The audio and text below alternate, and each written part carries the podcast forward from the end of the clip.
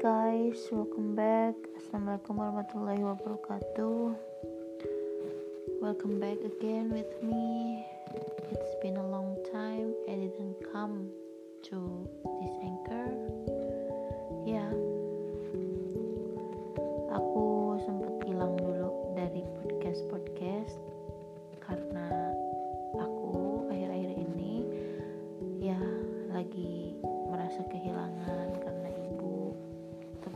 Januari kemarin meninggal dunia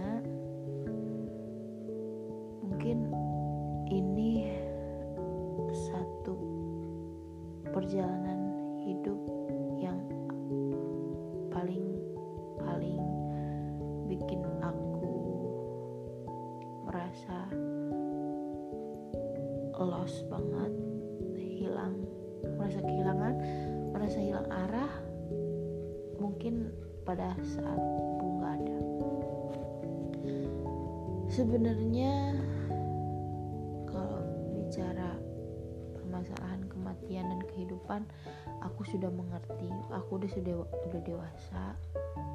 Ya maksudnya kalau kematian dan kehidupan itu pasti jalan berdampingan gitu ya. Kita juga nggak tahu kita kapan mau meninggal.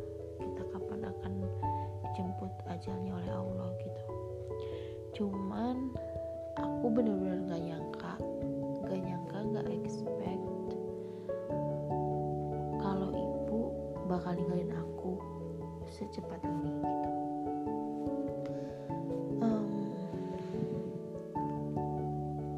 Gimana ya rasanya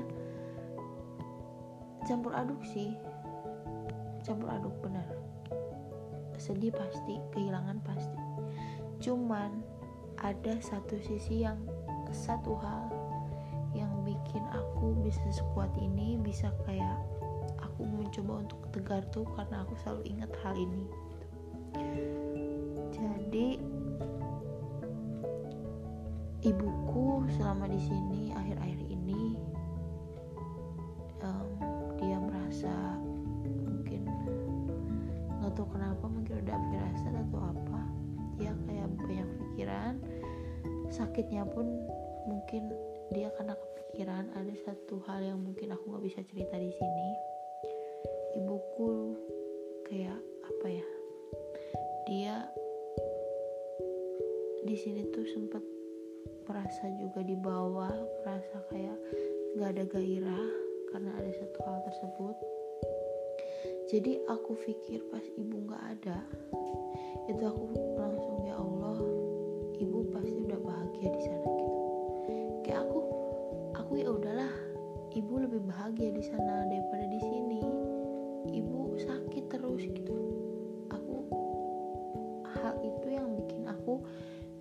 sekuat ini sampai sekarang walaupun ya pasti aku ngerasa kehilangan banget.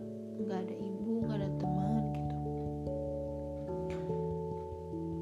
Um, ya itu doang sih. Maksudnya kayak itu satu hal doang itu yang bikin aku kayak bisa sekuat ini bisa kayak um, aku baik-baik aja kok. Kalau ibu di sana juga pasti bahagia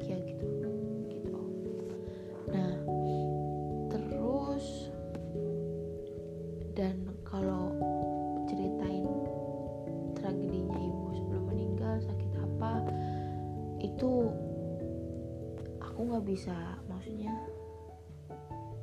gak, bukan nggak bisa ya apa ya um,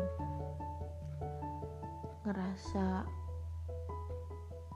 nyesel iya bukan nyesel kecewa iya sama ada satu pihak maksudnya satu um, gini deh um, jadi awalnya gini aku cerita aja ya nggak langsung kayak gitu. Jadi awalnya ibuku sakit itu udah seminggu.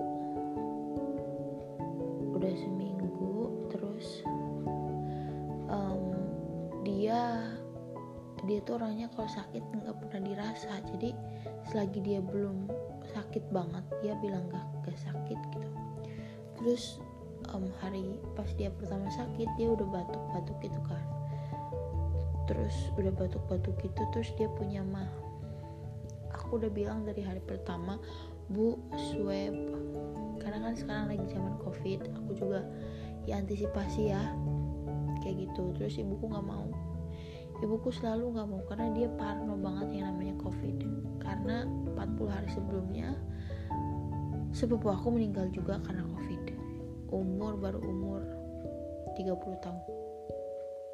30 33 tahun dia meninggal karena covid ibu memang dari pas awal ada covid itu dia sangat safe banget sama sama corona. Dia selalu pakai masker 2 sampai 2 sampai double ke mana-mana pakai hand sanitizer minum ini minum itu minum vitamin minum ini gitu. Terus kan di kantor juga kan ibu pelayanan suka ada yang daftar daftar gitu kan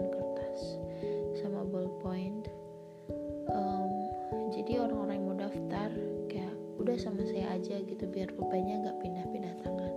Dia suka cerita itu sama aku. Nah dari situ kan dia sakit tuh batuk. Terus aku kayak tuh aku takut kalau ibu covid gitu kan. Ibu kan kontak langsung sama banyak orang segala rupa. Dia tahan selama tiga hari. Ingat banget hari Jumat dia hari Kamis ke dokter. Hari Kamis ke dokter udah terus emah kata dokter emah memang ibu emahnya udah parah banget. Hari Jumatnya dia maksain ke kantor. Aku pun nggak tahu kalau dia berangkat ke kantor. Terus aku pagi-pagi bangun kan kok ibu udah nggak ada gitu ya. Terus habis itu siang-siang entah kenapa itu mungkin udah ada firasat atau apa biasanya ibu minta aku jemput. Ini aku sengaja nanya sama dia karena aku tahu dia lagi sakit gitu ya bu mau dijemput enggak? Dia online tapi dia nggak balas bu mau dijemput enggak? Posisinya tuh gerimis. Biasanya aku uh, biasanya aku ngejemput pakai mobil biar nggak kehujanan gitu kan. Nggak diangkat nggak dibalas gitu. Cuman dia online. Terus abis itu um, abis itu selama selama itu aku wa-in walaupun gak diangkat kan tiba-tiba dia datang ke rumah dengan bahasa jibruk gitu loh terus aku bilang ibu mah kenapa nggak bilang kalau hujan-hujan? Terus dia nggak bilang apa-apa kan. Habis itu kayak oh udah naik angkot tadi ke sini gitu. Sudah gitu um, dia langsung tengkurap dong di kamar. Kayak ibu dek dek bu eh dek ibu meriang katanya kata. Tuh ibu makan apa terus aku kayak kesel ya ya Allah bukan kesel kenapa? gitu kan. Udah tahu kata bapak jangan dulu masuk ke kantor kata katanya ibunya maksa ya ya udah gitu ya yang udah mau udah. Nah mulai dari hari Jumat ibu ngedrop sini tambah drop Sabtu di swab di Prodia. Minggu malam itu ibu udah kayak udah muntah tapi yang nggak keluar apa-apa terus kayak sakit perut banyak ngeluhnya gitu. Terus aku bilang pak udah ke rumah sakit aja gitu. Dibawa ke rumah sakit kan. Terus langsung di ronsen. Ternyata ada flek di paru-parunya gitu. Tapi ketika di swab di rumah sakit itu negatif covid. Cuman hasil di prodia itu positif. Tapi prodia itu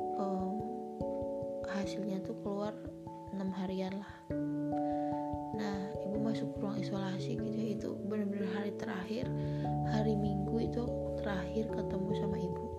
Terakhir ketemu sama ibu. Terus um, uh, sebelum ibu apa maksudnya sebelum ibu masuk isolasi dia bilang sama aku dia ibu sendiri. Terus aku pasti kayak bercanda gitu kan kayak udah nanti di call ibu gitu. Terus um, dia langsung didorong gitu kan. Terus ya udah dari situ. Kayak ini cuma aku bawain baju gitu kan makanan. Udah. Ah malam pun sempet waan gitu kan. Uh, berarti kan minggu malam uh, oh terus aku masih ngantar ibu ke ruang rongsen sebelum dia rongsen gitu kan di rongsen terus aku kayak bukain baju dia gitu kan sweater gitu. Masih ketawa-ketawa. Masih buka terus ketawa ih dingin gitu kan. Terus kan di ruangannya dingin gitu kan di ruang rongsen terus um, udah gitu udah kan itu masuk isolasi. Itu masih WA banget masih WA terus Senin pagi masih WA Senin pagi masih WA uh, sampai hari tapi dari situ ibu kayak apa ya kayak ibu bilang deh ibu udah gak kuat gitu gitu aku ibu ngomong kayak gitu aku nggak nggak expect kalau ibu bakal nggak ada gitu. Karena apa ya nggak uh, tahu kenapa aku aku di situ optimis banget bener-bener kayak ah bisa sembuh gitu. Udah ibu aku semangatin ibu aku semangatin ibu kan terus hari Selasa pagi aku nungguin di rumah sakit sama bapak. Terus tapi kan nggak bisa ketemu tapi masih WA-an gitu. Terus um, Selasa sore aku pulang. Pulang tiba-tiba si kakak telepon deh ke rumah sakit gitu. Ibu ngedrop terus aku bilang pas kakak aku tutup telepon ibu nelfon. Tapi ih tete kataku teh orang ibu gak apa-apa kok ini gitu. terus abis itu aku angkat kan itu telepon. Ternyata bukan ibu yang nelpon. Ibu udah kayak pakai apa oksigen inkubasi gitu kan. Ibunya udah kayak setengah sadar.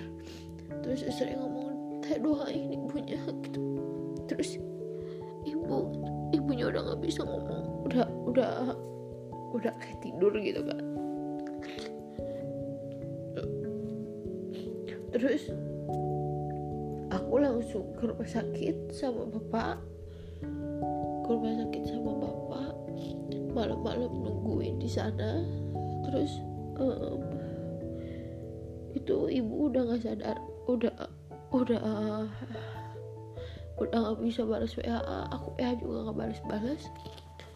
Terus informasi dari dokter udah ngedrop banget uh, uh, oksigennya sampai cuma 40% terus darahnya juga cuma 60 per berapa gitu. Terus aku udah aku udah hopeless banget di situ bener-bener.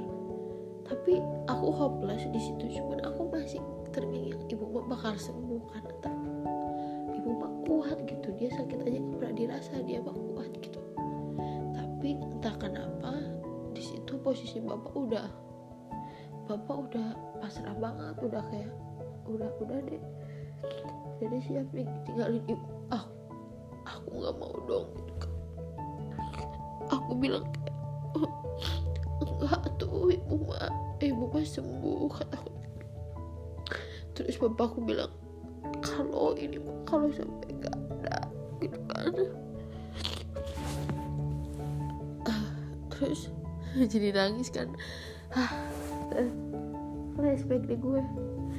Terus um, abis itu um, udah kan ngedrop. Ada om aku ada sepupu aku di situ udah dede sama bapak pulang aja gitu. Meskipun sebenarnya aku gak mau pulang cuman percuma juga gitu kan. Gak bisa nungguin ibu gak bisa ngurus ibu. Ya udah pulang aja ajak kayak nungguin di luar di luar rumah sakit gitu kan. Ya udah aku pulang lah. Jam 11 malam saat malam terus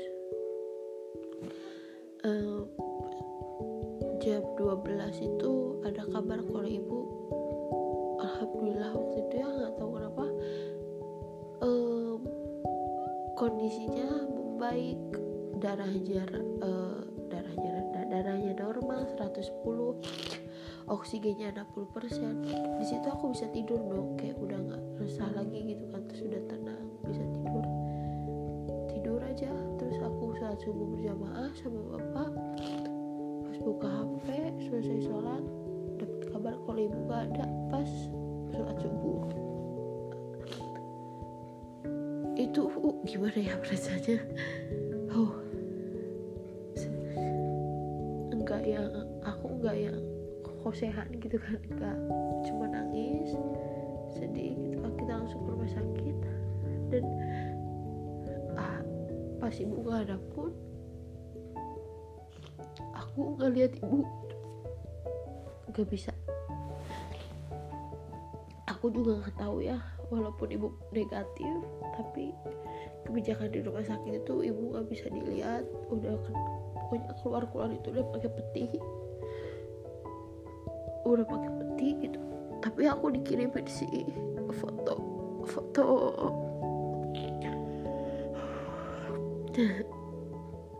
Foto lagi di di kafan gitu kan belum dipetiin. Itu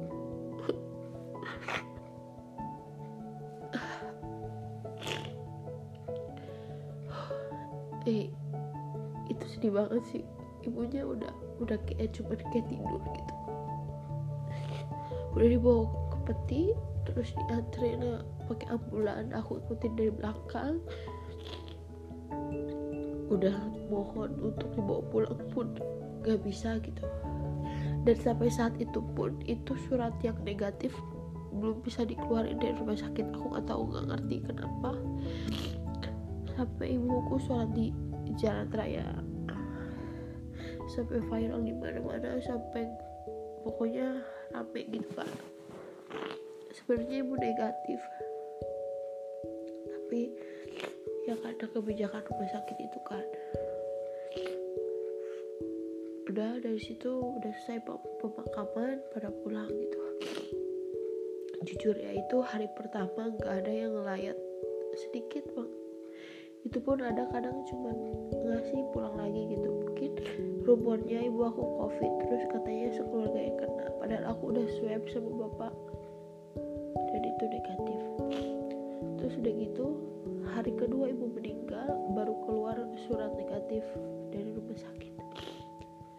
Aku sebarin ke semua sampai aku sebarin ke berita di kuningan gitu kan bahwa itu bahwasanya hoax tapi aku nggak peduli mau hoax mau apa mau, apa mau apa.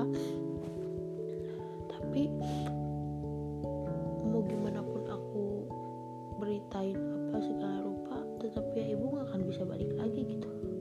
Walaupun aku nantang rumah sakit mau bukan nantang ya maksudnya klaim atau uh, uh, apa komplain rumah sakit ya percuma gitu dari situ. Hari pas aku udah nyebarin bahwasannya ibu aku negatif dari situ banyak yang layak alhamdulillah banyak banget. Banyak banget yang bilang ibu baik banget. Ibu ibu ibu. Banyak banget sodakonya paling paling baik gak menang bulu segala rupa. Sampai banyak banget yang kehilangan tetangga-tetangga saudara-saudara tuh pada mimpi kalau ibu tuh udah ibu lagi ngegandeng anak kecil cowok ibu lagi nyusuin anak cowok. Pokoknya pokoknya i, a, apa aku percaya ibu bakal ibu udah di surga. Dan ibu udah lebih bahagia di sana.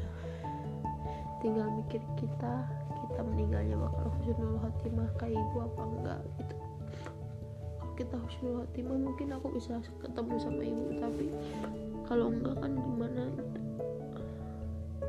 Sisi lain sedih pasti kehilangan orang yang kita cintai. Cuman kita harus berpikir juga gitu. Kayak kita nanti meninggal mau gimana gitu. Gitu kan. Aduh itu sih kronologinya. Teman-teman ibuku sakit terus sampai nggak adanya. Bener expectnya tuh bener kayak gak gak nyangka hal ini bisa terjadi sama aku gitu. Mungkin aku belum sekuat sekuat aku belum kuat seutuhnya. Aku masih suka ngelamun aku masih suka hopeless aku masih suka ma